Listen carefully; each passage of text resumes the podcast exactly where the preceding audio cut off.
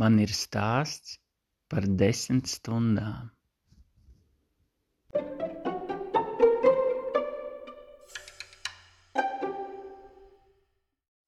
Paskaties, viņš pasniedza Ilzei norautu tauriņa spārnu. Vai nav brīnišķīgi? Vai nav brīnišķīgi? Paskaties, cik tur daudz ir ko saskatīt. Lai gan Ilze saskatīja tikai dzeltenu spārnu, viņam māja un piekrītoši skatījās laimonim acīs.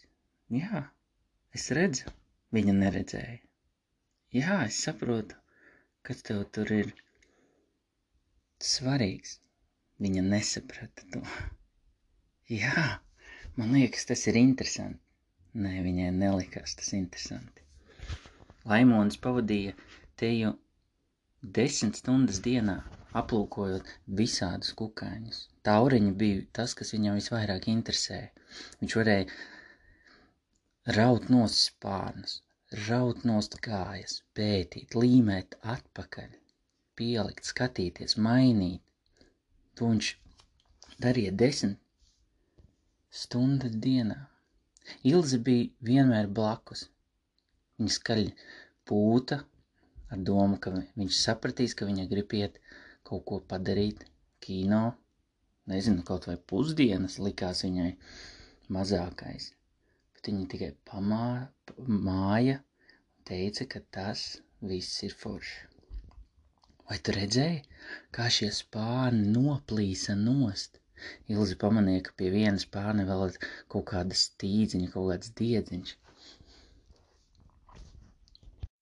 Tas viņai likās ne tikai nesaistoši, tas likās viņai pretīgi. Ja viņa varētu, viņa tagad ietu prom, bet viņa nevarēja. Tā gadījās, ka tētis iekārtoja viņa pēdējā vietā, kur, kur viņa vēl nav bijusi bioloģijas fakultāte, un šis jaunais pasniedzējs bija tas, kas varēja viņai dot izglītību. Tā, tā gadījās, ka viņa nejauši viņu savaldzināja.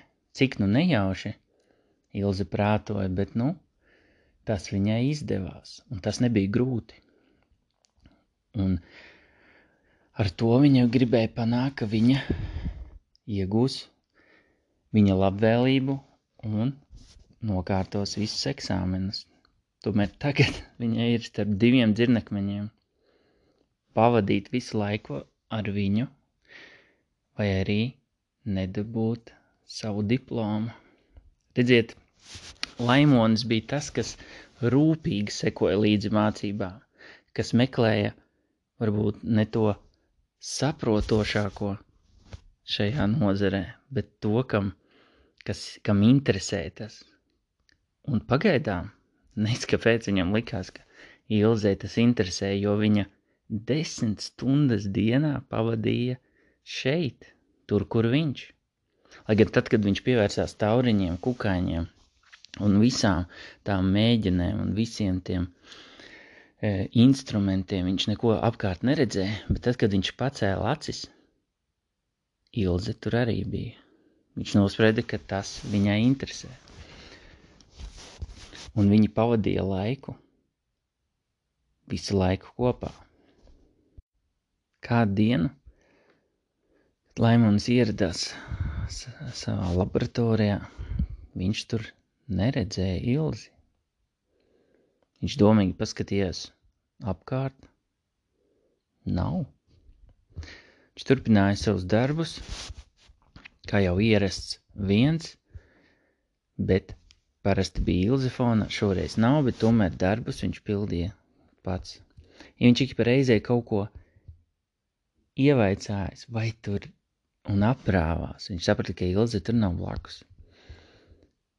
Visu, visu dienu, desmit stundas un vairāk, viņš nesagaidīja Ilzi. Tā darba diena beidzās un viņš gāja mājās. Nākamajā dienā Ilzes atkal nebija.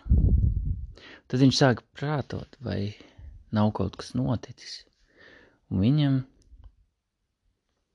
radās skaidrība.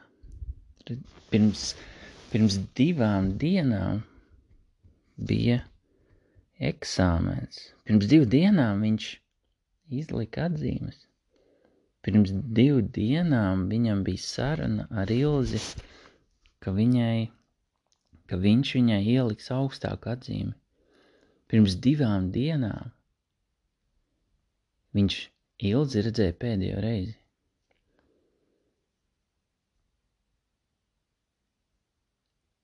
Tas viņu mazliet apbēdināja. Šīs desmit stundas dienā tas bija tikai, lai iegūtu vienu atzīmi.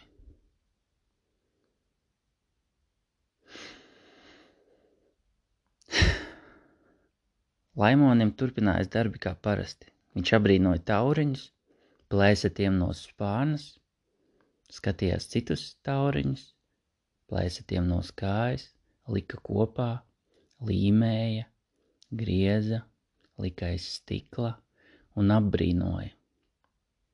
To viņš darīja vismaz desmit stundas dienā, un tas viņam patika.